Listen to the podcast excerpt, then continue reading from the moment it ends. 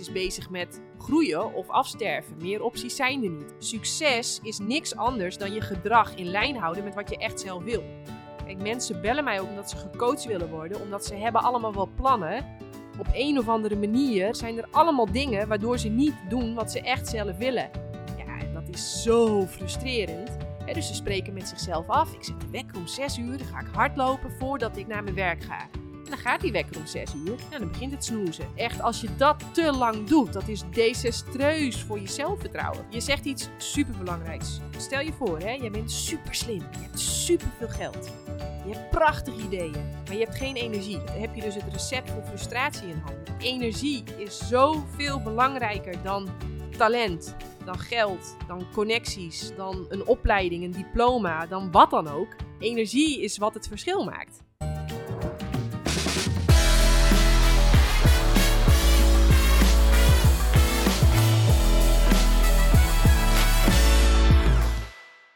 Zo, welkom Janneke. Dankjewel. Janneke van der Meulen.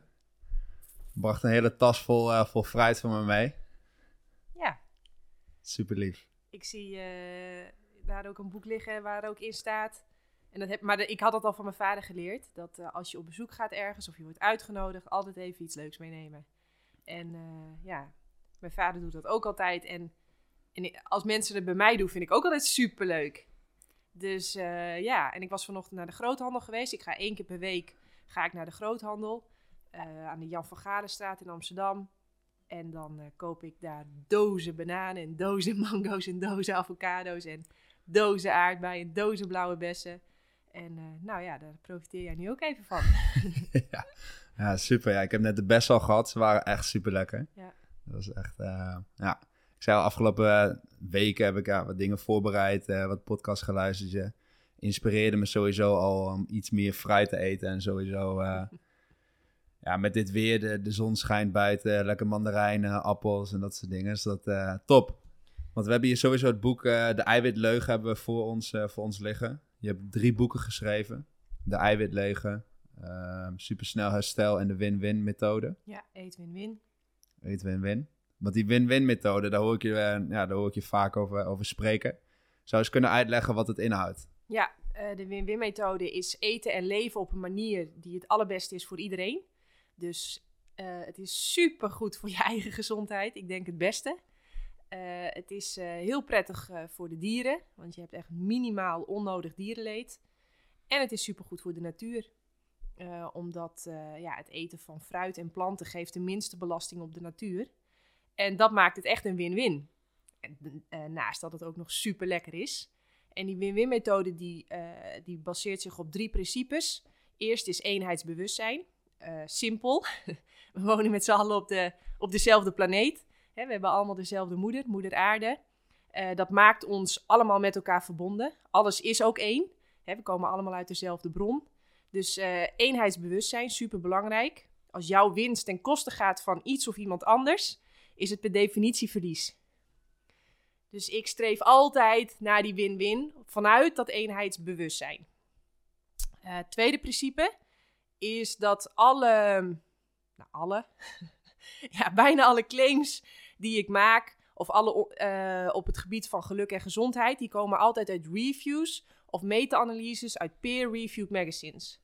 Oftewel, uh, ja, de onderzoeken die ik gebruik, dat zijn echt onderzoeken uit de top van de piramide. En het derde principe is, uh, ja, topsportprincipes. voor voor uh, ja, blijvende veranderingen, maar ook, um, ja, wat kun je leren van een topsporter?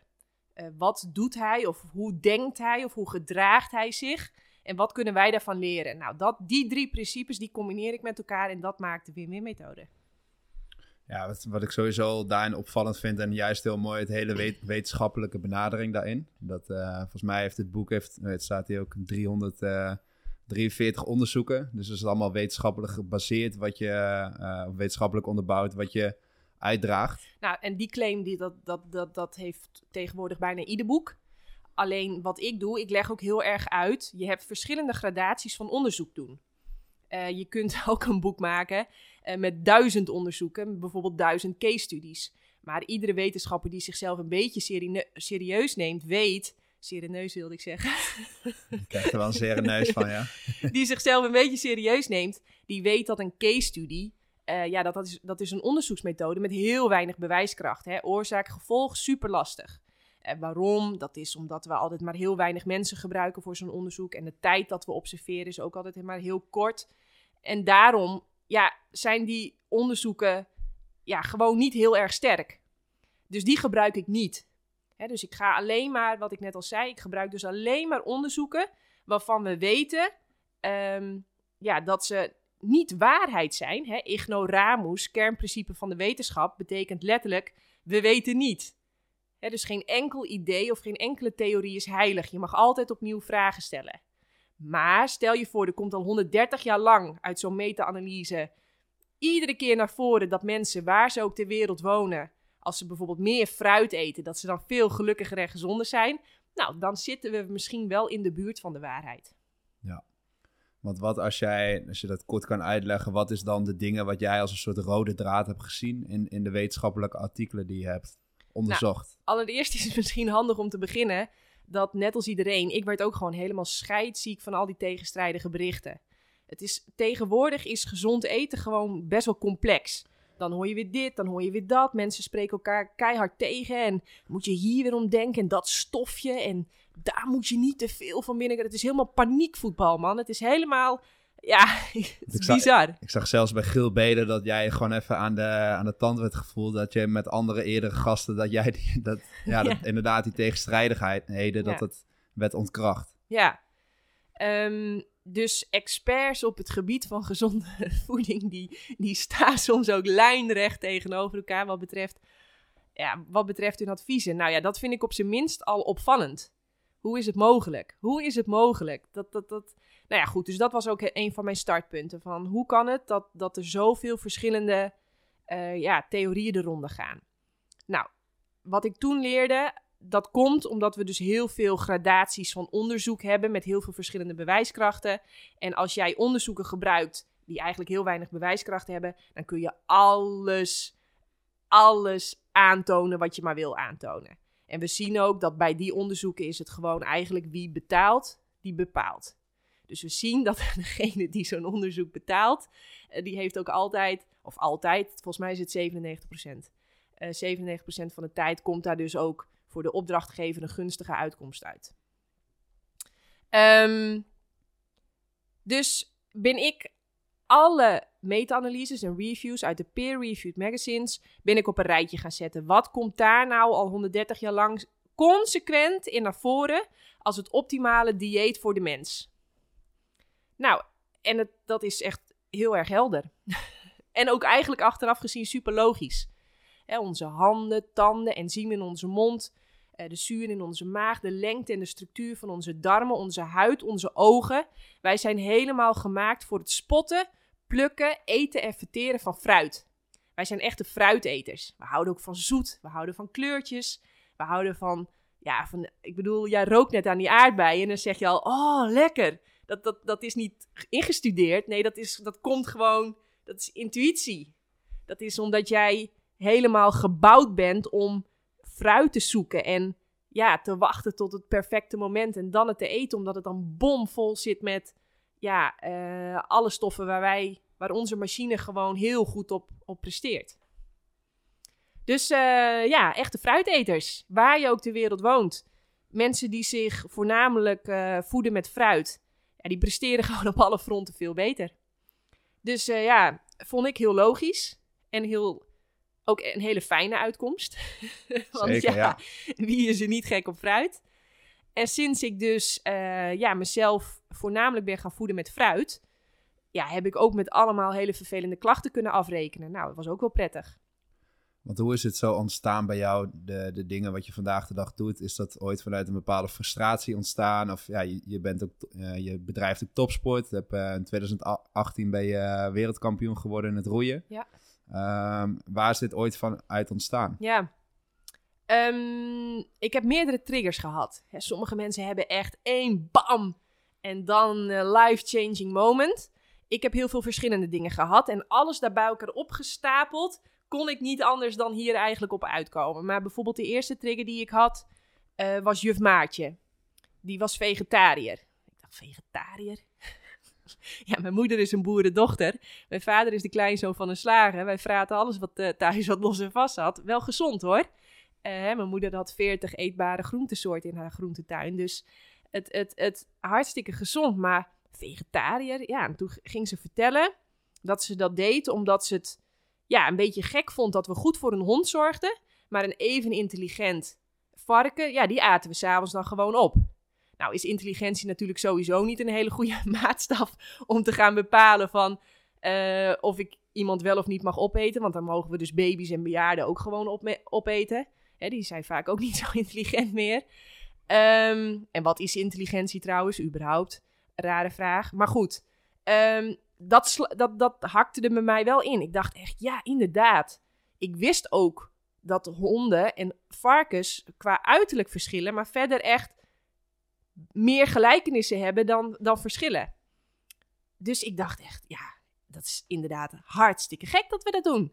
Dus ik kwam thuis en ik zei tegen mijn ouders, ja, ik wil geen vlees meer eten. nou, ze lachten me nog net niet uit. Zo, dan hebben we Janneke weer met haar goede ideeën. Um, ik was bijvoorbeeld ook heel erg activistisch tegen roken. Als wij gymles hadden gehad, dan moesten wij altijd door een gang lopen. En dan zaten alle juffen en meesters, misschien op één of twee na, zaten daar te roken. En dan ging ik altijd roken, roken, ongezond. Steek die peuk toch in je kont, want je longen worden zwart. Nou ja, dus ik was al een beetje activistisch. Het zat er al jong in, het zat er jong in. Ja, ik vond dat zo raar dat juffen en meesters gingen roken terwijl ze wisten dat het slecht was. Ik dacht, hoe, hoe, hoe, hoe kun je dat nou doen?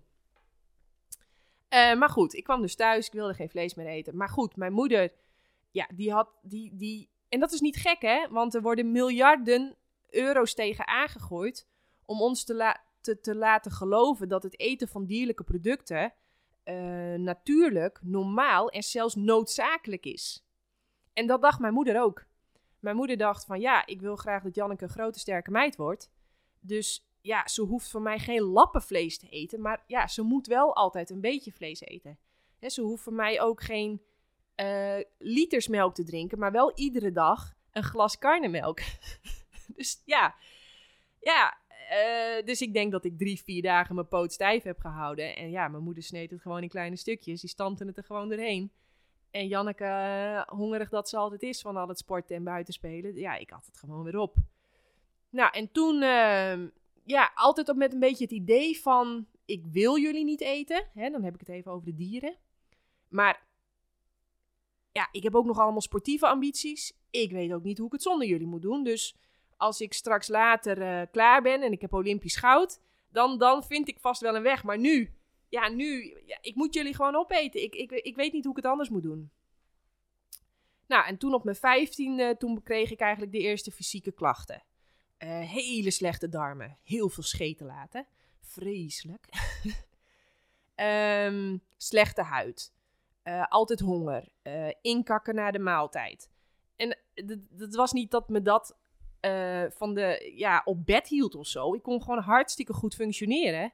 Alleen ik voelde gewoon, dit klopt niet. Ik voelde gewoon na de maaltijd, het kost me energie. Het geeft me geen energie. Ik, ik, ja, het, het drukt op me. Het, het, nou ja, en in combinatie met die fysieke klachten die ik had, ja, ben ik gewoon, uh, ja, is het onderzoek gestart. Ik wilde vroeger rechercheur worden. En uh, nou, dat ben ik eigenlijk nog steeds. Ik heb alleen mijn, mijn missie gemaakt van hoe krijg ik gezondheid op alle fronten. Fysiek, mentaal, financieel, emotioneel, relationeel. Ik wil niet alleen veel cash op de bank. Nee, ik wil ook een supergezond lijf en een superleuke relatie. En ja, ook emotioneel en spiritueel mezelf helemaal ontwikkelen. Nou, daar heb ik gewoon een onderzoekswerkje van gemaakt. En toen ik 15 was, dat, klinkt het net alsof ik 100 ben, maar dat was de tijd dat internet opkwam. En uh, dat je moest inbellen met je telefoon.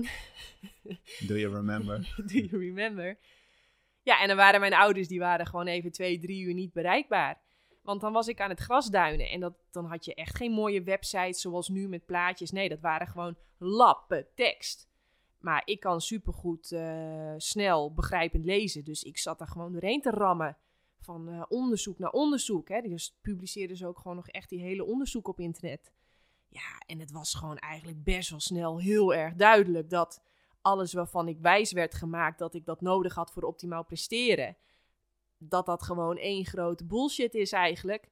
En dat het juist ziekte in de hand wekt. Ik dacht, wow, ik ben nu eigenlijk al tien jaar lang dierlijke producten aan het eten, omdat mij wijs wordt gemaakt dat ik daar groot, sterk en gezond van word. Maar als ik naar die betere onderzoeken kijk, dan zie ik gewoon dat het tegenovergestelde waar is. Dus ik ging weer naar mijn ouders toe. Ik zei, eh, tien jaar geleden is het jullie gelukt. Maar nu komt er geen hap vlees meer door mijn strot. Nou, en als mijn moeder dan iets met vlees maakte, wij woonden aan het water, dan liep ik gewoon naar het water toe en dan gooide ik het erin. En dan zei kijk, visvoer, dat eet ik niet. Nou, dat gaf wel ruzie. Want ja, je moet je voorstellen dat ik was dat meisje met die, met die lekkere rode bolle wangen, die alles altijd dankbaar op had. En het liefst nog een bordje en nog een bordje. Nou, dat is natuurlijk heel prettig als ouders zijnde. Ja, en toen ineens uh, ja, werd ik kritisch.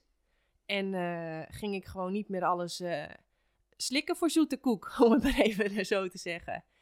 Ja, en dan, dan, ja, dan, dan ga je vragen krijgen. Dan moet je dingen gaan uitzoeken. Want ja, ik trainde toen ook al heel erg veel. Uh, en dat wilde ik ook blijven doen. Dus ik dacht wel van ja, ja, fuck. Ik, ik wil wel een win-win. Ik wil echt, ik heb alles voor de dieren en de natuur over. Want dat, dat is iets, ja, dat gaat me aan het hart. Maar ik moet er zelf ook lekker fit bij zitten. Ja, en, en in combinatie met die klachten die ik had en de artsen die geen antwoorden hadden. Ja, dat bracht het samen dat ik alles zelf moest gaan uitzoeken. Ja, met, met als resultaat dat ik nu andere mensen ook supergoed kan helpen. Ik had bijvoorbeeld ook om de havenklap uh, blaasontsteking. Hm. Nou, dat, dat blijkt hartstikke normaal te zijn. Daar praten we niet over. Maar dat blijkt ongeveer iedere vrouw heeft om de havenklap blaasontsteking. En die neemt daar maar gewoon dan antibiotica voor. Terwijl ik ontdekte al heel snel dat de natuur daar één vraagjes af. Waarom heb je steeds blaasontsteking? Nou, dat blijkt bijvoorbeeld met de consumptie van kip te maken te hebben. Daar zitten bacteriën in. Nou, daar houdt onze blaas absoluut niet van. Uh, dus ik ben gestopt natuurlijk met alle kip. Maar ik ben ook gaan kijken hoe krijg ik die blaas met kruiden super sterk. Ik heb nu nooit meer blaasontsteking. Nou, allemaal dat soort dingen, dat heb ik allemaal ontdekt. Omdat ja, de artsen, ja, die willen alles maar oplossen met pillen, operaties. En ja, en dan zitten ze met hun schouders wat zo... Ja, we weten het eigenlijk ook niet, maar ja. Ja, toen dacht ik, daar neem ik geen genoegen mee. Ik wil niet, ook, ik wil niet overleven. Ik wil niet een beetje, nou ja, een beetje pap nat houden en de dag dan wat doorkomen. Nee, ik wil, ja, ik wil mezelf meten met de wereldtop. En niet alleen nu trouwens, ook als ik straks 250 ben. ja, ja. Super mooi verhaal, uh, Janneke. Want sowieso voor de duidelijkheid, natuurlijk, de meeste mensen weten wel van, oké, fruit is gezond, daar, daar, worden we ook mee opgegroeid. Alleen, dit is een soort van standaard die zegt van, ja, eet twee stuks, stuks uh, fruit per dag. Minimaal twee stuks fruit, hè? Minimaal, maar jij zegt eigenlijk een beetje van ja, hoe meer fruit, hoe beter. Absoluut, absoluut. We zijn echte fruiteters. Ons brein kan ook op... Waar, waar, waar functioneert je brein op? op? Glucose. Ja, heel veel mensen denken dat ons brein op vet functioneert. Hè? Nou, ons brein is super gevoelig voor oxidatie, dus die wil absoluut geen vet. Überhaupt, dus je kijkt alles in het lichaam, spieren, et cetera. Je spieren, je nieren, je lever, je hele zenuwstelsel kan op niets anders goed functioneren dan op glucose. En uh, het liefste krijgt je lichaam dus koolhydraten binnen. En koolhydraten is de verzamelnaam voor verschillende soorten suikers. En we hebben ook al die verschillende soorten suikers nodig. Um, sterker nog, uh, iedere cel in ons lijf is bijvoorbeeld ook afhankelijk van vitamine C. Dat kan ons lijf niet zelf metaboliseren. Oftewel, dat kan ons lijf niet zelf aanmaken. Een vleeseter, een, kat bijvoorbeeld, kan dat wel. Dat is al heel opvallend. Ik vind het ook een opvallend risicootje van de natuur. Zo'n risico neem je alleen maar als je dus weet van, nou ja, er wordt toch dagelijks superveel fruit geconsumeerd. Die vitamine C, dat is een zekerheidje, die komt toch wel binnen. Ik hoef niet iets in dat lichaam te gaan maken dat dat zelf... Hè, terwijl een, een, een kat, een vleeseter, die kan dat dus wel. Um, wat was je vraag? Nou ja, dat, oh ja, dat, dat, dat, dat, dat, dat, we, dat het advies is minimaal twee stuks fruit. maar jij, jij zegt eigenlijk hoe meer fruit, hoe beter. Is natuurlijk ook, je hoort mensen, ja, kijk naar de suikers, kijk uh, dat je Ja, dat is wat je nodig hebt. Ja, ja nee, precies. Dat, dat zeg je eigenlijk. Dus eigenlijk zeg jij hoe meer, hoe beter. Ja, want sterker nog, ons lijf kan dus alleen maar, hè, iedere cel functioneert dus het allerbest op glucose. Kan alleen maar op glucose functioneren. Um, maar eet jij geen fruit, eh, dan moet je dus andere dingen gaan eten. En dan stel je voor, eh, je gaat op, op een ketose dieet of paleo of weet ik veel wat. En je gaat dus heel weinig koolhydraten eten. Dan moet je lichaam noodgedwongen eh, suikers gaan maken uit vetten. Of als het echt schrale boel is, vanuit eiwitten. En dat is gewoon suboptimaal. Dat is, eh, ja, dat is overleven voor je lichaam. Dan is het echt zoiets van, ja, shit. Eh, hè? Of bijvoorbeeld mensen die helemaal niet eten. Of gaan vasten hele lange tijd. Ehm, ja, dan, dan, dan, dan is het voor je lichaam gewoon... Oké, ja jongens, we moeten het doen met wat we hebben. We gaan maar suiker maken uit vetten of uit eiwitten. D- er is niks anders. En Maar dat, dat, is, dat staat haaks op optimale gezondheid. Ja. En eigenlijk al die onderzoeken die je hebt gelezen, maar ook vanuit eigen ervaring, naar de, de topsport die je bedrijft, het roeien, et cetera, die, die bevestigen eigenlijk het verhaal wat je nu vertelt. Eh, ja, die ja. het, het begon ermee dat ik ging lezen van... Nou, het begon eigenlijk met de vraag... Wat voor diersoort zijn wij eigenlijk? Ik bedoel, stel je voor, ik ga een broodje pindakaas geven... en ik ga dat aan een kat geven. Dan gaat iedereen zeggen, nee, niet doen, niet doen. Daar is een kat niet voor gemaakt. Een kat is niet gemaakt voor brood met pindakaas. Niet geven. Maar als we dan naar onszelf kijken, naar, het, naar de mens... Oh, die proppen we vol ja, alsof het een vuilnisbak is. Maar als je nou eens gaat kijken, wat voor diersoort zijn wij eigenlijk? Hè? Hoe functioneert ons brein? Hoe functioneren onze organen? Waar zijn wij eigenlijk voor ontworpen? Wat voor brandstof moet er in deze machine? Ja, dan, dan, ja, dan wordt het, dat lijkt me een hele belangrijke eerste vraag. Ja. En dan denken bijvoorbeeld heel veel veganisten dat wij planteneters zijn. Nou, wij zijn absoluut geen planteneters. Planteneters, dat zijn koeien, geiten. Hè, met zo'n dunne pootjes en dan een hele grote buik.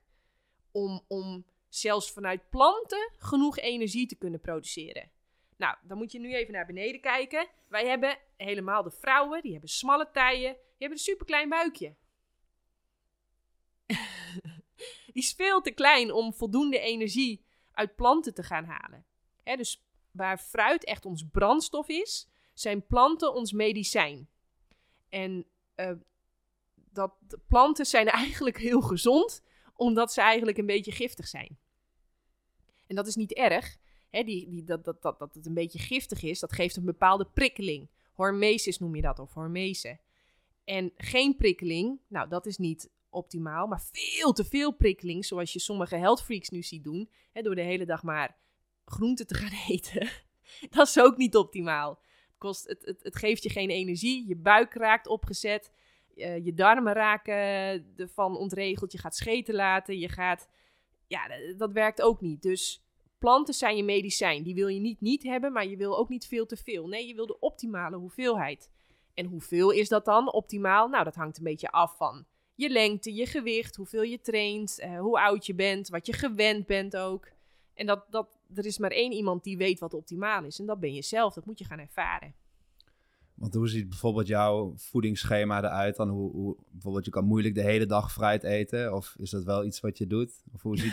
Ja, nee, ik ben gewoon... Ja, hoe- bedoel, ik heb natuurlijk eerder eh, dingen van je en ik volg je ook op Instagram. Ik zie een beetje dingen voorbij komen wat je, wat je deelt. Ehm, maar als ik er nu je verhaal hoor, lijkt het of je alleen maar fruit eet, bij Nee. wijze van spreken. Dat, Nee, ik eet niet alleen maar fruit. Hè. We hebben dus brandstof nodig, maar ook een beetje medicijn. Fruit is je brandstof, planten zijn je medicijn. Dus ik eet, haal mijn calorieën voornamelijk uit fruit en ik vul dat aan met planten. Eh, dus hoe ziet mijn dag eruit? Eh, nou, of ik eet alleen maar fruit 's ochtends. Dat kan een litertje sinaasappelsap zijn, vers geperst. Ik, ik doe eigenlijk alles wat Dr. Google je echt heel erg afraadt. Dat doe ik allemaal. Waarom? Dat zie je consequent in die betere wetenschap terugkomen als optimaal. En ik ervaar het ook zelf. Ik bedoel, als ik mezelf vergelijk met leeftijdsgenoten of andere moeders. Nou, dan zit ik toch aardig fris en fruitig bij, denk ik dan iedere keer maar. Dan denk ik, gaat toch iets goed. Ehm, dus, s ochtends, nou, eh, eh, ik ga gewoon deze dag vertellen. Het was vanochtend een litertje verse sinaasappelsap.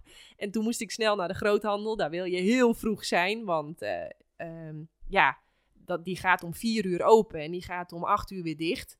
Dus ja, als je daar dan om half acht aankomt kakken, dan ben je gewoon veel te laat en dan is alles op. hoe laat Dus- was je er vanochtend? Eh, Kwart voor zeven. Oké, mooie tijd.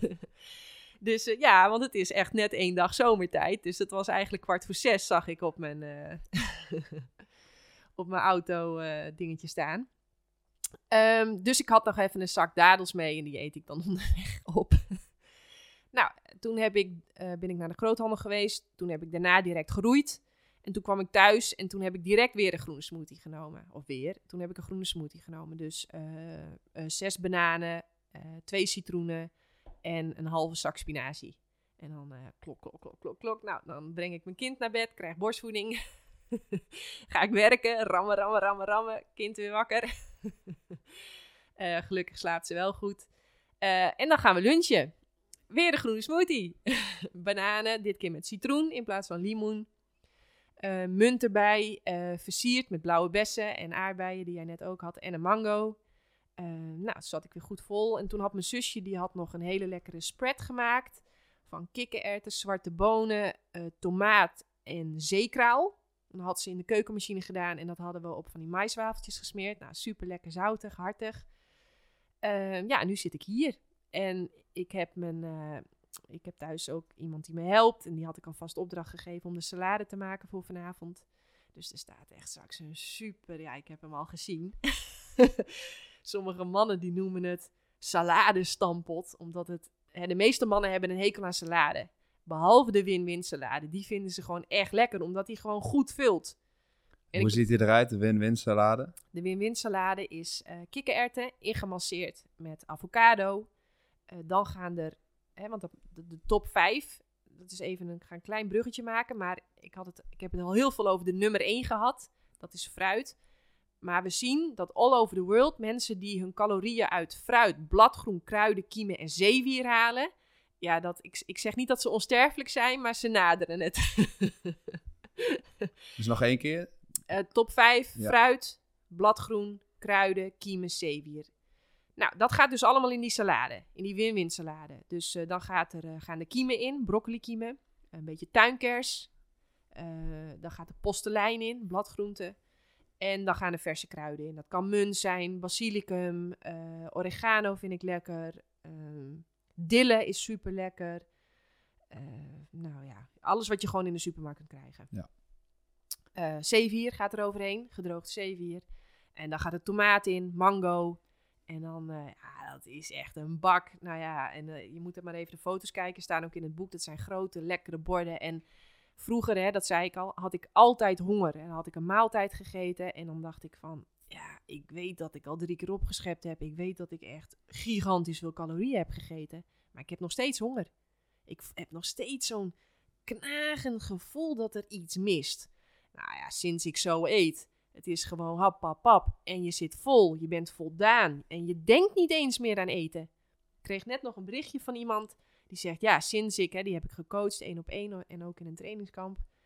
En ze zegt, je hebt geen zin meer om te snaaien, te snoepen. Eh, ik, ik, chocola, ik taalde niet meer naar. En dat is zo, dat geeft zoveel rust. En dat geeft zoveel tijd en energie om te focussen op dingen die je echt belangrijk vindt. Ja, dat is gewoon heerlijk. Hoeveel bananen eet je op een dag dan? Dat zijn er beho gingen behoorlijk wat in, of niet? Ja, dat is, dat zijn er minimaal 12 en soms wel 20. Want ja, het is gewoon. Kijk, je moet het zo zien. Iedereen heeft tussen de 1500 en 4000. Hè, en echte grote topsporten. Stel je voor, jij, jij bent aardig mm. aan de maat. Als ik jou uh, twee keer flink laat trainen, ga je misschien wel richting de 6000 calorieën. Ja. Uh, je wil 6000 calorieën wil je zo slim mogelijk investeren. Oftewel, je wil zo'n hoog mogelijke ROI. Nou, zo'n hoog mogelijke return on investment. Dus je wil eigenlijk kijken, de meeste mensen die focussen op calorieën, maar eigenlijk is het veel slimmer om te kijken hoeveel vitamine, mineralen, wateroplosbare vezels en andere levende magische plantenstoffen krijg ik voor iedere calorie terug. Ja, en dan zie je gewoon dat als je bijvoorbeeld een boterham gaat vergelijken met een banaan, ja, dan geeft een banaan je zo ongelooflijk veel meer vitamine C, wateroplosbare vezels en andere cruciale stoffen ten opzichte van een broodje, ja, dan ga je nooit meer een boterham eten. Ik bedoel, het stinkt ook gewoon. Ga maar eens ruiken aan een boterham. Het is echt, het is echt, of de kleur kijken, weet je wel. Het, het, is ook helemaal niks. En dan ga je kijken naar een banaan. Snij hem eens door midden. Hij, hij sprankelt helemaal. Ja, dan, dan, dan, je bent wat je eet hoor. Dus als je de hele tijd van die muffe, dooie, stinkende dingen gaat eten, ja, dan word je vanzelf ook zo. Maar ga je de hele tijd kleurrijke, sprankelende, levende dingen eten, ja, dan word je zelf natuurlijk ook super sprankelend en levend. Ja. Want ik ben even benieuwd, is dat dan ook hetgene waar jouw boek De Eiwitleugen over gaat? Van dat we tegenwoordig natuurlijk de afgelopen jaren zeiden, je moet meer eiwitten eten. Je moet, uh, om spiermassa op te bouwen, moet je meer eiwitten eten. En natuurlijk, als ik nu het dieet van jou hoorde, dat is veel wat je zegt, veel gebaseerd op koolhydraten. Ja. Is dat ook waar de eiwitleugen over gaat? Of? Nou ja, wat ik een interessante vraag vind, is als wij naar die betere wetenschap kijken. En als we daar consequent terugzien dat het eten van te veel eiwitten je dik en ziek maakt. Waarom krijgt iedere jonge, fitte, vitale topsporter dan wel dat advies? Dat is toch raar? We weten al lang dat eiwitten zorgen niet voor spiergroei. Nee, kei consequent keihard trainen. Dat zorgt voor spiergroei. In combinatie met gewoon voldoende eten natuurlijk. Dat, ja, ik vind dat dan raar. Dan denk ik, hoe kan, hoe kan het dat we non-stop een advies krijgen waar ik geen, geen bewijs voor kan vinden. Nou, dat ga ik dan uitzoeken. En dan ga ik dan meenemen. Dus ik neem jullie mee op die reis van, ja, hoe zit het dan? Hoe werkt het dan? Waar komt het advies dan vandaan? Waar is het fout gegaan? Hoe is het al zo gelopen? Ehm, en, en, en wie was zo gek om te bedenken van, weet je wat, we gaan allemaal dieren ophokken. Allemaal zieke dieren. en die gaan we dan helemaal preventief dan maar inspuiten met antibiotica. En dan ja, dan hebben we dus inderdaad miljoenen marketinggeld nodig om al die gekke, gekke mensen zo gek te krijgen om die, die zieke dieren op te gaan eten. En dan ook nog het spiervezel, weet je wel. Er is geen dier in de natuur die als eerste het spiervezel op gaat eten. Ik bedoel, altijd worden eerst het brein en de organen opgegeten. Nou ja, en heb je dan nog honger, dan eet je het spiervezel. Maar wij, wij mensen zijn gewoon zo gek gemaakt om, om al het nou ja, meest kostbare dan nog maar van het dier gewoon weg te flikkeren. En, en, en, als, en dan dat spiervezel op te gaan eten. Het is echt bizar. Nou ja, en dat is, dat is eigenlijk. Ehm, dat is eigenlijk maar 10% van het boek. Ja. Want uh, daarna ga ik helemaal over op, uh, ja, op, op, op mentale gezondheid. En uh, even kijken, ik zit even te kijken. Oh ja, testosteron, heel belangrijk hoofdstuk. Heel veel mannen denken namelijk dat het voor je testosteron en voor je mannelijkheid biefstukken eten. heel belangrijk is om dierlijke producten te eten. Terwijl we zien dat veganisten hebben de hoogste testosteronniveaus. Waarom? Je moet het voorstellen dat wij zijn dus gemaakt voor het eten van fruit aangevuld met een beetje planten. Als wij dan dierlijke producten gaan eten waar ons systeem totaal niet voor is gemaakt, dan is het gewoon stress. Dat is hetzelfde als jij een benzineauto hebt en je gaat de diesel ingooien of andersom, ik weet niet precies. Dat is gewoon heel erg stressvol voor die auto, maar een auto gaat direct stilstaan. Een menselijk lichaam die, ja, die gaat gewoon proberen te overleven, um, maar dat is natuurlijk suboptimaal. Dus we zien ook dat zodra mannen dierlijke producten gaan eten, dan stijgt cortisol met als resultaat dat testosteron daalt. Het is ook echt weer marketing die erop in heeft gezet van ja, we moeten dierlijke producten, dat moeten we koppelen aan mannelijkheid. Nou, al die mannen die trappen erin. en ze zitten allemaal impotent en dik thuis op de bank. Ze kunnen helemaal niks. ja, wat, wat bij mij een soort van eye-opener was geweest. Ik, nou, toen ik tijdens mijn studie uh, bewegingswetenschappen, toen heb ik een onderzoek gedaan naar vegan, uh, vegan diet bij athletes. Ja. En toen ook nog een korte uh, onderzoek gehad of een interview met Jeremy Reinders. Ja, je kent. Ja, Jeremy Reinders en, uh, en zijn vriendin Nienke uh, Overveld. Ja. Dat, die volgens mij met z'n tweeën de, de fitste mensen van Nederland zijn. En nu dit jaar ook weer. Dat, en dat zij op basis van een vegan diet... Ehm, ja, ook de soort van de... Erbij zweren dat zij zo fit zijn geworden door middel van het vegan, vegan dieet. Ja, dat is heel logisch. Ja. ja, ik zou dan zeggen, heel Nederland en helemaal Team NL die moet dan toch met piepende banden naar Nienke en Jeremy toerijden om te zeggen: hey, jongens, wat jullie doen, dat staat haaks op het, op het algemene advies. Leg eens uit, waarom doen jullie dat? Hoe zit dat? Maar nee hoor, Team NL blijft maar kwark en eieren en al die gekkigheid adviseren. Dat is niet gek. Uh, als je kijkt naar uh, wie de opleiding van de diëtisten sponsort, ja, dat is de voedingsindustrie. Dus ja, wie betaalt, bepaalt. Dus het is niet gek dat zij je gaan proberen met fristie en chocomel en eierkoeken en, en, en kwark en al die rotzooi uh, ja, op de been te houden. Maar ja, tot een jaar of veertig lukt je dat ook wel aardig hoor. Ik bedoel, je komt de dag er wel mee door. En, uh, maar ik denk dat als wij als Team NL gaan kijken van... oké, wat doet die Nienke dan? Wat doet die Jeremy dan? Wat doet die Janneke dan? En er zijn echt nog wel veel meer hoor. Uh, dat wij zo'n gigantisch groot concurrentievoordeel gaan opbouwen... daar zijn we gewoon als Nederland niet meer bij te houden. Maar even op je vraag, wat staat er in het boek? Um, nou, ik, ik, ik, ik ga helemaal ik leg ook helemaal uit hoe het ego werkt. De stem in je hoofd, die 24 uur, 24 eh, uur per dag, 7 dagen per week tegen je aanpraat. Want ik zeg altijd, als jij die stem niet beheerst, dan beheerst hij jou. En een kenmerk van die stem is dat hij heel erg bang is.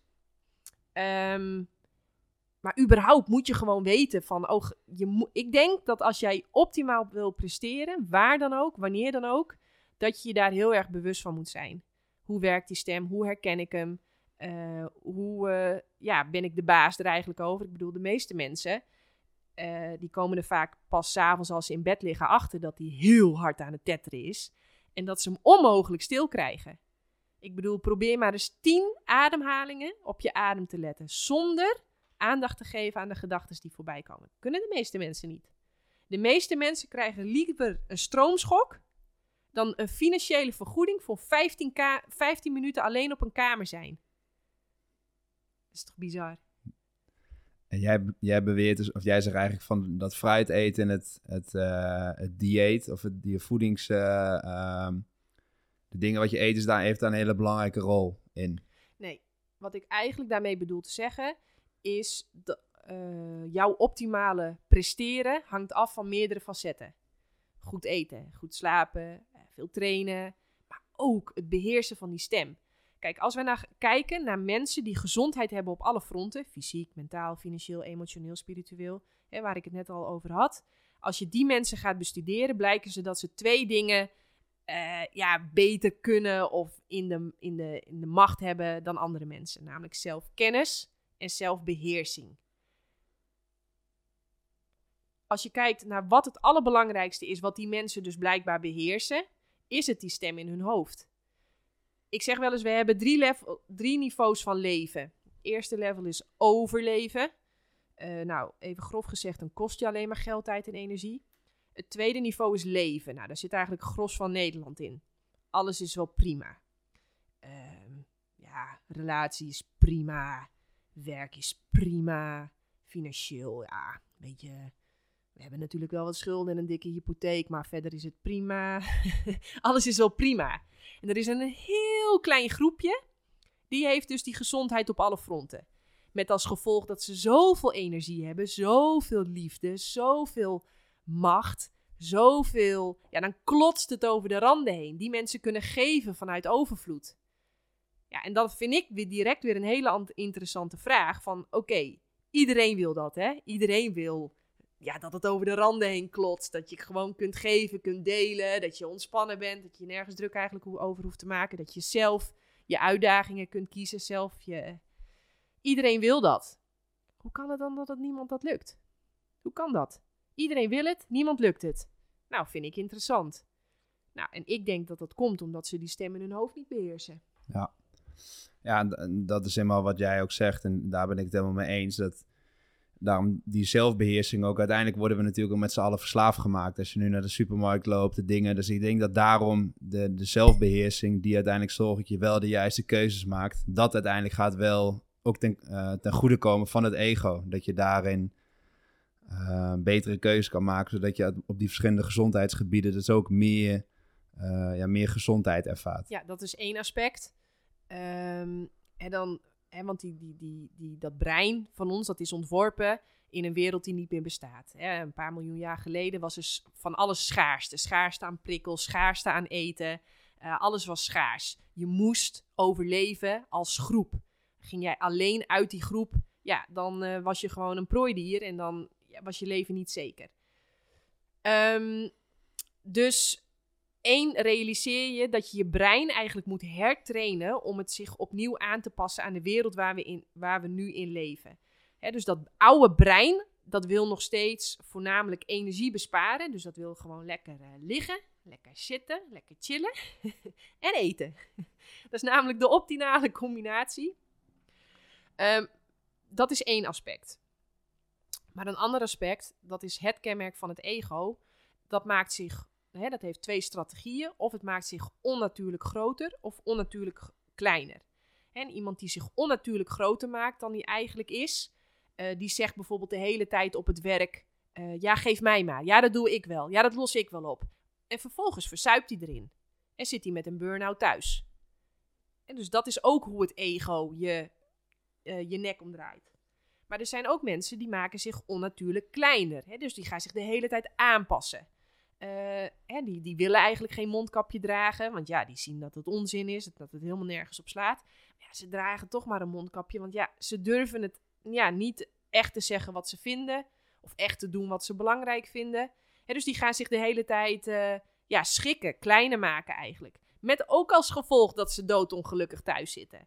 Dus dat ego, dat heeft, ja, dat heeft meerdere facetten. En ik denk dat het super belangrijk is um, ja, dat, je dat, dat je daar begrip van hebt überhaupt. Van hoe werkt dat? Hoe werkt die stem in mijn hoofd? Wat zijn zijn strategieën? Hoe kenmerkt het zich? Um, ja. Even één stap terug. Ik dacht bijvoorbeeld vroeger dat ik die stem was. Dus dan was ik een hele intensieve test aan het doen, bijvoorbeeld op de ergometer, op het roeiapparaat. En dan zei die stem tegen mij: ja, dat gaat je niet lukken. Gaat je niet lukken. Dat PR, dat zit er niet in. En uh, ja, geen PR uh, betekent uh, zinloos dit. Dus het kost je wel een hele hoop energie dit allemaal. Doet echt ook nog heel erg pijn. Dus volgens mij kun je er beter mee stoppen. nou, en dan, en dan nam ik die stem gewoon serieus. Ik ben er zelfs ook wel eens mee gestopt. dus dan was ik bezig met een, ja, te werken aan een missie eigenlijk. En dan kwamen er uh, hobbels en bobbels op de weg. En dan, ja, dan gooide ik gewoon de handdoek in de ring. Ja, dat kan ik me nu gewoon. Ik moet het ook echt, echt. Ik, kan het me nu gewoon bijna niet meer voorstellen. Want nu, als zo'n stem opkomt, ja, dan lach ik er gewoon om. Dan zeg ik: hé, hey, leuk, daar ben je weer. Goed dat je er bent, maar uh, ik ga wel eventjes mijn eigen koers varen natuurlijk. Ik ga niet naar jou luisteren. Ja, met als gevolg dat ik dus ook goed presteer op van die testen. Terwijl als je naar die stem luistert, weet je, sommige mensen stoppen, maar heel veel mensen gaan bijvoorbeeld ook even tandje rustiger. Terwijl dat hoeft helemaal niet. Je lichaam kan het makkelijk. Nou ja, dat, dat zijn, dit zijn maar een paar voorbeelden. Um, het is zoveel breder en nou, dat neem ik in het boek allemaal mee. Ja, en dat, dat is ook wat ik net een beetje bedoelde. Het eten in relatie met het ego. Dat je dat stemmetje in je hoofd, die zegt ook vaak van... nee, neem die chocola of neem dit of dat. Maar ja, doe maar wel. Precies, doe maar wel. Dat is toch lekker. Vaak korte termijn fijn, langere termijn pijn. Uh -huh. um, dus dat, hoe het, hoe het ego... Ik heb het net even kort een beetje doorgenomen. Heel mooi beschreven hoe het ego in relatie tot eten. Dat is echt... Uh... Ja. Hey, en uh, Janneke, je noemde net al de top 5 van, uh, van producten. Ja. Zijn er ook bepaalde producten wat jij van zegt van ja, dat wordt heel erg vermarkt van dat is heel goed voor de, voor de mens of een soort top drie van dit, zijn dingen waar, waarvan iedereen denkt die zijn heel goed, maar dat blijkt uiteindelijk helemaal niet goed te zijn? Ja, dat noem ik de top drie fabeltjes. Dat zijn producten waarvan we wijs worden gemaakt. Nou, dat als je ze niet eet, nou, dan ben je bleek en eigenlijk uh, meer dood dan levend. Terwijl als we naar die betere onderzoeken kijken, dan is het tegenovergestelde waar. Heb jij een idee wat met stip op één staat in de top drie fabeltjes? Een product waar echt zo'n zweem omheen hangt van ja, daar word je honderd mee. Echt, dat is wat je nodig hebt. Terwijl als we naar de betere onderzoeken kijken, dan als je daar ook maar een paar hapjes van neemt per week, dan stijgt je kans op overgewicht, ziekte, et cetera, stijgt echt al gigantisch. Ja, ik denk sowieso vlees en vis, dat dat een belangrijke ja. is. Ja, je hebt direct goed. Nou, dat vind ik... Uh, dik applaus. Want als ik deze vraag aan een groep artsen vraag, dan laat ik ze soms gewoon voor de grap even een kwartiertje spartelen. Z ze weten het gewoon echt niet. Dat is toch bizar? En ik denk voornamelijk dat tegenwoordig als je bepaalde soorten vis kijkt, hè, dat, dat slaat nergens op volgens mij hoe die, hoe die worden bereid. Of voor een, een... Het, de, alle dieren eten slaat nergens op. Wij zijn geen diersoort die gemaakt is om te moorden. Ik bedoel, stel je voor, ik haal hier een konijntje uit een kooitje en ik draai voor jouw neus even zijn nek om, dan moet jij ook even slikken, hoe groot, sterk en stoer je ook bent. Dat, wij, wij zijn een diersoort. Terwijl stel je voor, ik haal onze hond en ik haal dan even het konijntje uit het hokje. Nou, die, uh, die lacht. Die is zo blij als ik weet niet wat als hij het nekje even om mag draaien. Dus dat laat al zien dat wij niet in staat zijn om met onze eigen handen en tanden een, een dier te doden, open te scheuren. Dat warme bloed, die ingewanden, de stront die dan misschien erbij komt. Dat, dat, dat- hier, ik zie jou al. Ik zie jou. Ja, ik, ik heb het beeld. ja, ja, we hebben beeld. Ja, dat was heel erg intuïtief Ja. toen ik daarover begon te praten. Het is niet eens echt, maar ik vertel een verhaaltje en je deinst al terug. Ja. Dat laat al gewoon zien dat wij daar niet voor gemaakt zijn. Ehm, en dan kom ik bij jouw vraag, want jij zei net eigenlijk van dat de vis tegenwoordig super vies is. Dat klopt, dat maakt het nog ongezonder. Maar dat eh insinueert ook een beetje van dat niet vieze, vervuilde vis dan wel gezond zou zijn. Maar dat is niet zo. Ik bedoel, eh, ga aan een kind een vis geven. Nou, alleen die geur walgen ze al van. Hè, wij kunnen op latere leeftijd wel leren dat het zogenaamd heel goed is. Hè, dan gaan we het wel, hè, leren we het wel te eten. Maar intuïtief willen we ook helemaal geen vis eten. Dus inderdaad, met stip op één, vis. Vis is, ehm, ja, we zien ook, en dat is misschien, dat is wel, vind ik, heel opvallend. Er wordt ieder jaar wordt een lijst gemaakt van de onnodige vroegtijdige doodsoorzaken. Die lijst is al jarenlang nagenoeg hetzelfde. Hè, met 1 en 2, eh kanker, hart- en vaatziekten. Die vechten een beetje om plek 1. Op 3 is naar het ziekenhuis gaan. dat, dat lachen we nu om, maar dat is best wel kwalijk.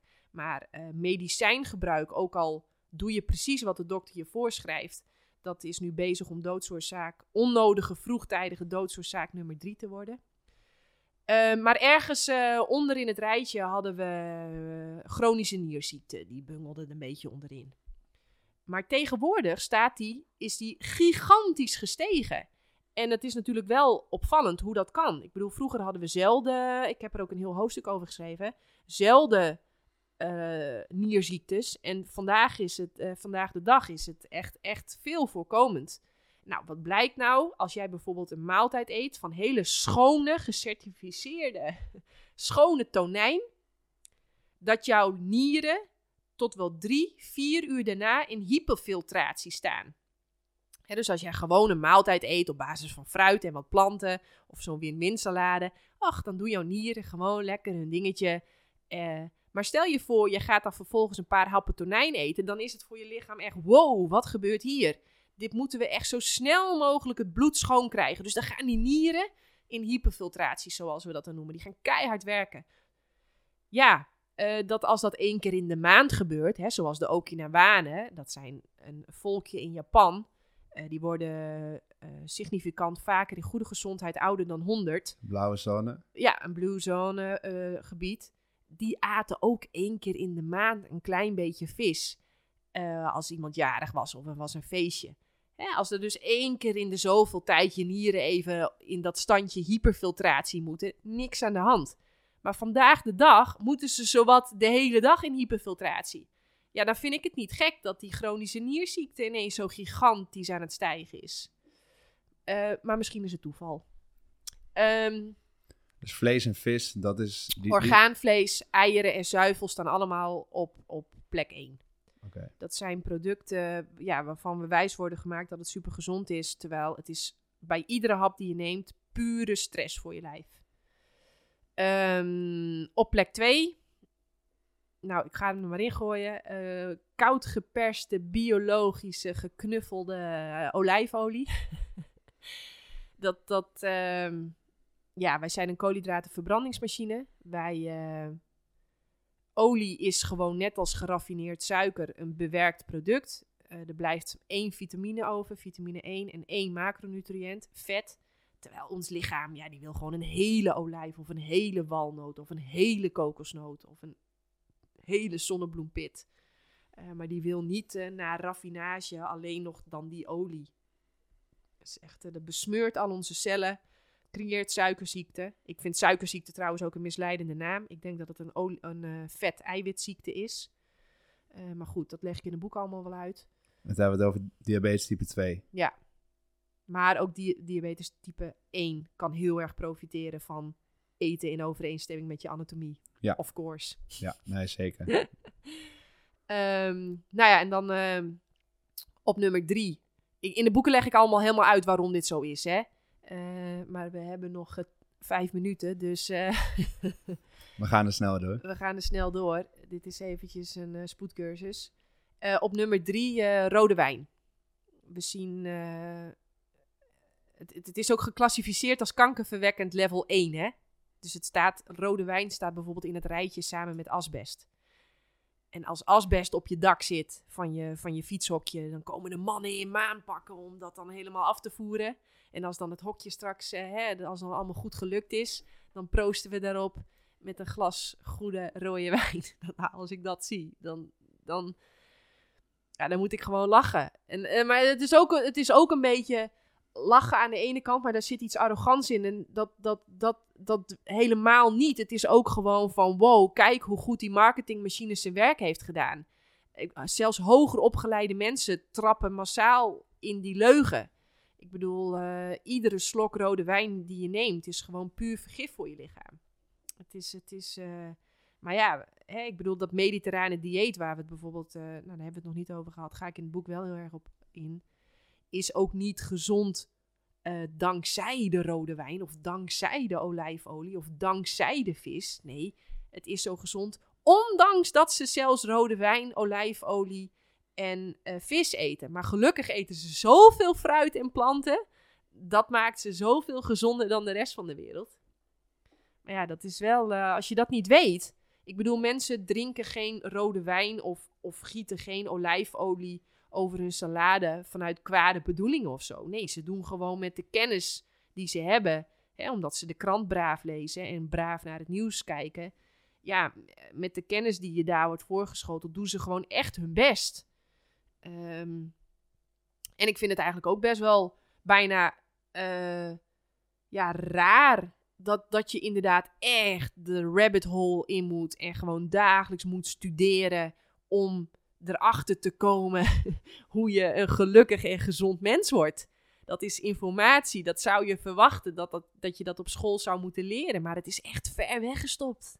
Ja, en daar heb jij uh, uitgebreid onderzoek in gedaan door middel van het boek. Ja, superleuk. Ik ga hem, uh, ik ga hem straks gelijk uh, beginnen met lezen. Mhm. Dus de top 5 hebben we met dingen wat je moet eten. De top 3 van, van fabels, die hebben we even ontkracht. Ja. Hey Janneke, ik ben nog wel benieuwd, het, het hele verhaal wat je vertelt over het eten, et cetera. Ehm, hoe staat dat in relatie voor jou ten opzichte van levenskracht? De podcast Levenskracht. Ik ben, dus dat is een vraag en ik ben altijd benieuwd, wat betekent levenskracht voor jou? Ja, leuk. Oh, daar heb ik me niet op voorbereid, dus dit, gaat ik, dit ga ik even uit de mouw schudden. Top. Ehm, wat is levenskracht? Nou, levenskracht is volgens mij dat je je je potentieel kan benutten. Dat je kan doen, kan geven aan je omgeving. Ehm, ja, aan waar jij hiervoor bent op aarde. Dus dat je niet bezig bent met overleven, maar dat je je unieke talenten en gifts, je, je, je, ja, alles wat je gegeven is, dat je daarmee aan de slag kunt. En vaak is het wel zo, dat zie ik ook aan mezelf. Hè? Ik, ik schrijf al mijn hele leven, dat vind ik fantastisch om te doen. En volgens mij is dat echt een gift die ik gekregen heb. En ook uh, hè, moeilijke materie, dat in Jip en Janneke taal makkelijk doorgeven. Dat is ook echt iets volgens mij wat, wat, wat, ja, wat, wat mij gegeven is. Als je dat gaat doen, ik vind, het super, ik vind het al heel erg leuk om dat te doen. En dan zie je dat anderen daar ook weer van gaan profiteren. Ehm, levenskracht, levenskracht. Ja, levenskracht. Dat je, dat je omhoog kunt naar het licht, verlichting, groeien, bloeien. Ik bedoel, iets is bezig met groeien of afsterven. Meer opties zijn er niet in de natuur.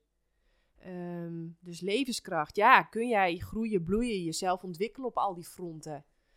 Ehm, levenskracht. Ja, levenskracht. Ik moet ook denken aan veerkracht.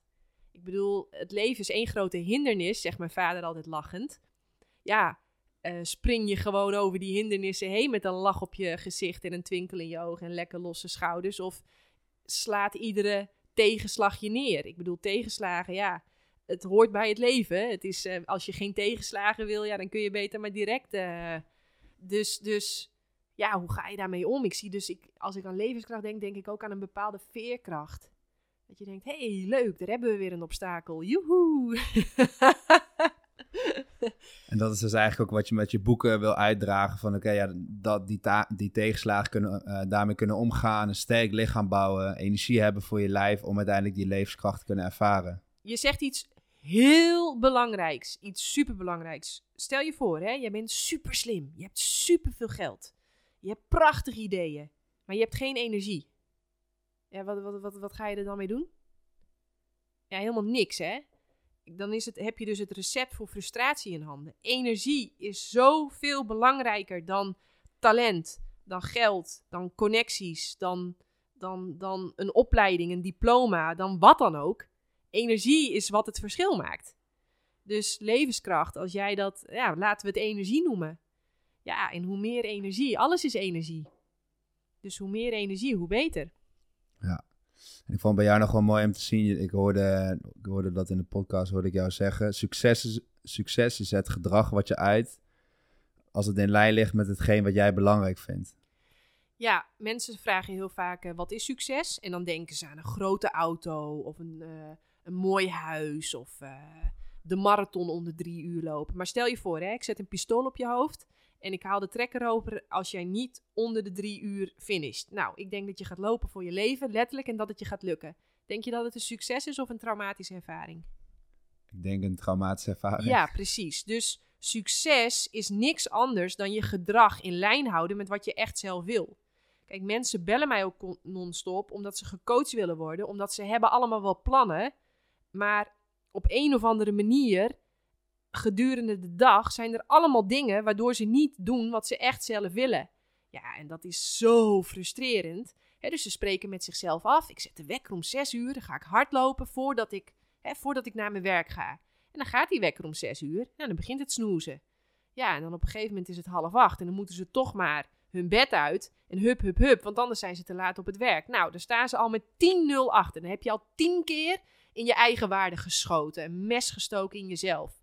Ja, dat is vreselijk. Nou, dan gaan ze afspreken met zichzelf. Uh, ik ga vandaag super gezond eten. Nou, en dan is het tien uur en dan komt de eerste tractatie langs. En dan durven ze geen nee te zeggen. Nou, zitten ze toch weer met, met, met taart in hun in, in, uh, taart aan het eten. Vreselijk. Nou ja, dan gaan ze van, nou ja, oké, het is vanochtend niet gelukt. Wel taart gegeten, weet je wat, dan ga ik vanmiddag maar sporten. Nou ja, en dan is het vanmiddag en dan, ja, zijn ze toch wel heel erg moe en toch wel heel erg hard gewerkt en toch al heel veel stappen gezet. Weet je wat? Het is wel goed geweest. Nou, dat is, dat is echt, als je dat te lang doet, dat is desastreus voor je zelfvertrouwen, voor je zelfliefde. Dat is vreselijk. Nou, en dat, en dat houdt niet op. Mensen hebben plannen om boeken te schrijven, om te gaan tekenen, om te gaan schilderen, om te gaan dansen, om te gaan. Ze hebben allemaal plannen, maar ja, er gebeurt allemaal niks ja, hard werken voor de baas, iemands anders dromen realiseren. Nou ja, lekker. Dus levenskracht is voor jou ook wel wat je net aangeeft, weten wat je belangrijk vindt en daar ook je gedrag in kunnen tonen. Ja, dat je, dat, je, dat, dat, dat je gaat doen wat jij ook echt graag wil doen. En dat je niet laat afleiden en niet laat verleiden door allemaal externe dingen die er heel, helemaal niet belang, die belangrijk lijken, maar niet belangrijk zijn. Nee, en dat is ook weer een beetje het ego waar we het straks over hadden. Ja, tuurlijk. Dat stemmetje in je hoofd de baas kunnen zijn. Nou ja, maar je moet je ook wel voorstellen dat er een systeem is gecreëerd die jou uitnodigt eigenlijk om dat allemaal ook te gaan najagen. Hè? Dus uh, als je vier bent, word je al dat systeem ingedrukt. Je moet naar school. Hè? Dus je creativiteit wordt eruit geramd, je eigenheid wordt eruit geramd. Uh, ja, je moet gewoon gehoorzamen, ja knikken, op tijd komen, stilzitten, je kop houden en doen wat de juf zegt. Dat, dat, dat, dat, nou, en dat de eerste 18 jaar van je leven, hè?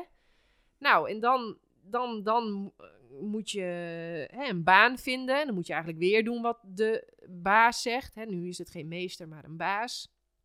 Ja, je moet een groot huis kopen, een te groot huis en een te dure auto. En dan heb je een dikke hypotheek. En dan, en dan zit je gevangen in de volgende. Ja, het, het, is. Ja, ja, ja. Het, ik bedoel, ik vind het niet gek. Ik snap dat het zo gaat bij de meeste mensen. Ik bedoel, onze hele samenleving is erop ingericht. Dus het is niet gek. Ja, en daarom ga ik altijd zo goed op mensen zoals jij, dat je een beetje tegen dat systeem aan het schoppen bent. Dat blijkbaar, ja, we hebben steeds meer overgewicht, we hebben mensen met, met steeds mentale problemen, uh, we worden met z'n allen steeds luier, er worden dingen bedacht wat ons, wat ons steeds inactiever maakt. Dus daarom ga ik gewoon heel goed op mensen zoals jij die gewoon daar lekker... Te... Want blijkbaar is er iets in de samenleving of iets in het systeem wat niet goed werkt. En daar moeten we met, met z'n allen, waar jij ook natuurlijk je hart voor maakt, een soort van tegengeluid in laten horen.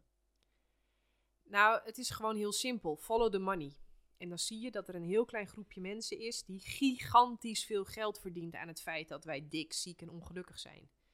En uh, dat is niet per se erg hoor. Ik, ik, gun iedereen geld. En je mag van mij ook zoveel geld verdienen als dat je verdient. Um, ik bedoel, daar ben ik helemaal niet op tegen. Uh, laat iedereen maar uh, lekker geld verdienen. Alleen um, daarmee wordt wel een. ja, ik denk dat we toebouwen naar een controlesysteem, een controlestaat. Een, en, en ja, dat is voor een paar mensen super gunstig. Maar ja, hoe gunstig is het voor jou? Want ja, jij bent, je, volgens mij zijn wij naast dat we niet kunnen moorden, jagen en dierlijke producten uh, eigenlijk kunnen eten, zijn wij super creatieve, vriendelijke, uh, ja, spirituele wezens die, die van allemaal mooie dingen kunnen bouwen en daar met heel veel plezier en vrolijkheid aan kunnen werken. Dat is wat voor, voor diersoort. Hè? Kijk naar een kind. Ik bedoel, het is vrolijk, enthousiast, uh, energiek. Ja, dat, dat is eigenlijk wat voor diersoort wij zijn. En uh, ja, ik weet niet of het kwaad, kwaadwillig is, dat weet ik niet. Maar we worden daar omwille van geld wel bij vandaan gehouden. Omdat er, ja, wat ik zeg, als wij dik en ziek zijn en ongelukkig, dan is, valt er een hoop meer aan ons te verdienen dan uh, wanneer we lekker zelfstandig, vrolijk, creatief en uh, ondernemend zijn. Ja. Ja, zo kunnen we nog uren doorpraten, Janneke. Ja, maar jij ja, moet... Uh, ja, ik ga training geven. ja, jij moet de roeibaan weer op. Ja. Nou ja, superleuk. Kom sowieso nog een keer terug, zou ik zeggen. En uh, ja, we hebben nog een boek weg te geven, volgens mij. Ja. Die heb jij, uh, heb jij meegenomen. Wat, Ja. zullen we, wat zullen we ermee doen? Ik zet het altijd op Instagram, de, de post. Van dat de podcast online staat. Zullen we doen dat iemand, of dat ze moeten reageren of een leuke reactie onder de, onder de post? En dat we dan de leukste daaruit uitkiezen. En die krijgt uiteindelijk het boek. De... Zullen we iets doen dat het maakt niet uit hoe hard je hem rent, maar dat je vijf kilometer gaat rennen? Oké. Okay. En dat je dat gaat delen. Dat je ons tagt. Ja, zoiets of zo. Ik vind het wel ah, leuk nee, als... het, uh, het is jouw voor mijn part wandel je hem, hè. Als je niet gewend bent om te lopen of te rennen. Dan je wel meer een fysieke uitdaging zit je aan Ja, te denken. Nou, ja. superleuk. Zullen we het hardlopen doen? Ja, gewoon vijf kilometer. Degene wie het snelste rent, die... Nee, eh, niet het snelste, want daar gaat het niet om.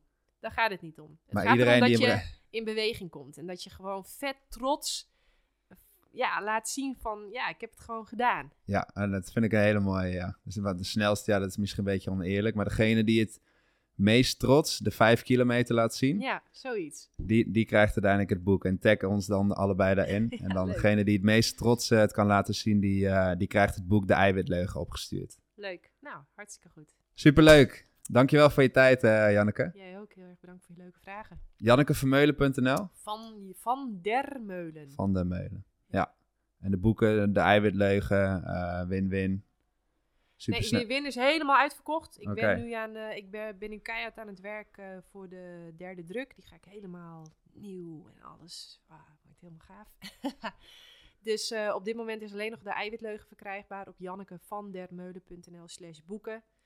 Instagram is leuk. Iedere zondag om 10 uur post ik ook een podcast. Ja. Dus met allemaal inspirerende gasten gaan we heel erg in op dat wakker worden. Op dat bewustzijn, op dat ego. Dat is echt waar ik in die podcast heel erg op inzoom. Omdat ik dat zelf ja, zo'n life-changing vond. Hoe heet de podcast? Is Wakker worden? Wakker worden met Janneke van der Meulen. nou, dat spreekt voor zich. Dus dat is niet te missen. Ja. Super, dankjewel voor je tijd, eh, Janneke.